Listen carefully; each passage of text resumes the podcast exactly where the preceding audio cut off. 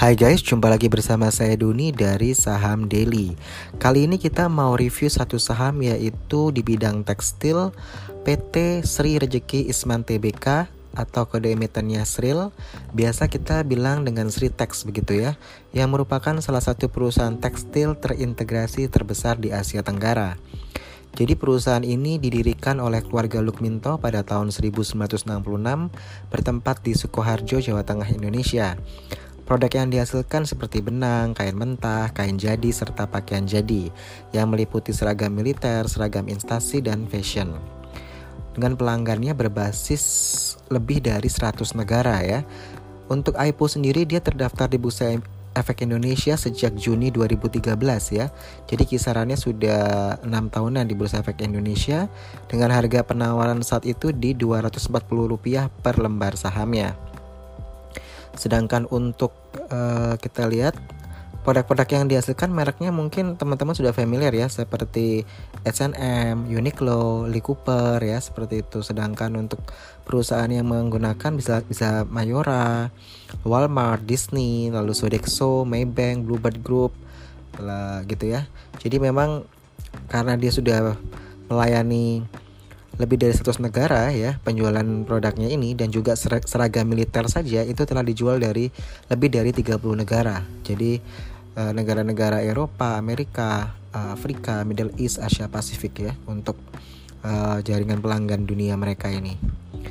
Kita lihat lagi, oke, okay, pemegang sahamnya 59,03% dikuasai oleh PT Huddlestone Indonesia, lalu 39,89% dimiliki oleh publik, cukup besar kepemilikan pabrik di saham ini. Sisanya dikuasai oleh keluarga Lukminto ya, yang merupakan pendiri dari perusahaan ini sendiri. Kalau kita lihat kinerja tahun 2018, kita buka master data kita dulu, Sril. Oke, bentar. Ya. Untuk Sril sendiri di tahun 2018 labanya ini naik 33% ya dari 922 miliar menjadi 1,2 triliun sedangkan revenue-nya naik 46% dari 10,2 triliun ke 14,9 triliun. Jadi memang kinerjanya di 2018 ini kinclong ya.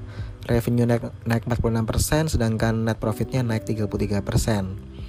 Earning per share-nya dari 45 ke 60, PR-nya dari 8,4 ke 5,7 uh, eh, PBV-nya dari 1,3 ke 0,9, DER-nya 1,70 ke 1,64 dan ROE-nya dari 15% ke 16%. Untuk intrinsic value average di harga Rp807 per lembar saham sedangkan market price as of 14 Juni 2019 kemarin Jumat ya itu ditutup di harga Rp340 per lembar saham. Artinya saham ini undervalued dengan posisi pergerakan harga sahamnya uptrend ya. Kita lihat lagi untuk pergerakan harga saham Sril sepanjang Januari hingga Juni 2019 ya. Tertinggi itu di harga 346 pada tanggal 25 Februari 2019 yang lalu dan ditutup di harga 340 Espar kemarin Jumat ya 14 Juni 2019 Untuk selama satu tahun terakhir dari Juni 2018 hingga Juni 2019 volume transaksi asing ya, investor asing ini meningkat di bulan September 2018 hingga Maret 2019. Jadi puncak pembelian asing itu di bulan Oktober 2018, lalu setelah itu ya, setelah Maret 2019 itu mereka asing start selling ya di bulan April hingga Mei saat ini. Jadi uh, investor asing ini start menjual saham Sril ini dari bulan April hingga Mei 2019 ini. Lalu kalau kita lihat di kuartal 1 2019 ya, Sritex ini berhasilkan berhasil mencatat kenaikan pendapatan sebesar 18% year on year ya dari 267,83 juta US dollar menjadi 316,84 juta US dollar. Jadi naik 18% ya. Nah, pada kuartal 1 2019 ini pasar perseroan sekitar 40% berasal dari domestik, sisanya diikuti oleh Asia 37%, Eropa 9%, Amerika 7%, serta Uni Emirat Arab, Afrika, dan Australia sebesar 7%. Sedangkan penjualan ekspor Sritex yang naik 31% year on year menjadi 191,11 juta US dollar di kuartal pertama. Jadi memang permintaan garment dari Amerika Serikat ini meningkat karena adanya trade war ya antara Amerika dengan Cina.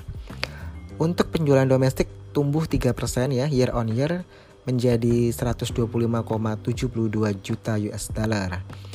Periode, periode yang sama tahun lalunya itu penjualan lokal Sril adalah 122,46 juta. Jadi kenaikan penjualan di pasar domestik ini lebih didorong oleh naiknya permintaan ketika menjelang lebaran kemarin ya.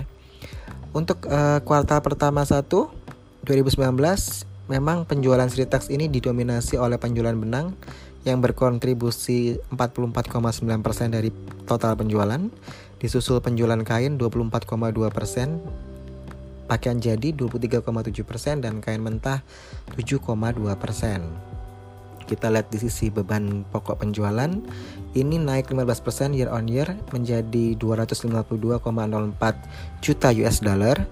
Walaupun begitu laba bersih di laba bersih Sril di kuartal 1 2019 ini mengalami penurunan ya sebesar 31% year on year dari 41,34 juta US dollar menjadi 24,04 juta US dollar. Jadi nanti eh, teman-teman bisa lihat ya, kenapa dia pendapatannya naik ya. Ya kan kenaikan pendapatan 18% tadi kan dari 267,83 juta menjadi 316,84 juta. Namun jadi revenue naik tapi untuk laba bersih ini mengalami penurunan sebesar 31% dari 41,34 juta US dollar menjadi 28,04 juta. Nanti teman-teman bisa lihat di laporan keuangan lebih detail lagi ya kenapa pendapatannya naik tapi uh, laba bersihnya menurun ya. Nah, memang dengan penguatannya dolar ya teman-teman tahu bahwa sempat uh, dolar menguat hingga rupiah melemah ke 14.500-an. Ini tentu uh, bagus untuk Sril karena Sril ini kan uh, lebih banyak didominasi oleh pasar ekspor sehingga kalau USD-nya menguat Sril akan mendapatkan keuntungan dari penguatan nilai tukar ya. Jadi uh, ada laba kurs di situ. Cuman mungkin dari pihak manajemennya Sril ini berharap bahwa tidak mengandalkan hanya dari selisih uh, kurs itu, tapi dari sisi naiknya permintaan produk baik domestik maupun internasional. Nah, kalau teman-teman mau membandingkan kinerja Sril, untuk industri sejenis bisa melihat PT Indorama Sintetik TBK dengan kode emiten INDR, lalu PT Asia Pacific Fibers TBK kode emitennya Poli, dan PT Polychem Indonesia TBK kode emitennya ADMG gitu ya.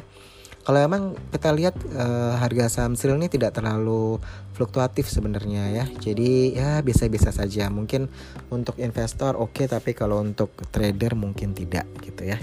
Jadi uh, sekian ulasan kita untuk saham Sril semoga bermanfaat buat teman-teman untuk yang tadi PR-nya yaitu kalian lihat kenapa pendapatannya naik tapi uh, labanya menurun ya dibaca detail di laporan keuangannya. Oke, saya Doni dari Saham Daily Out.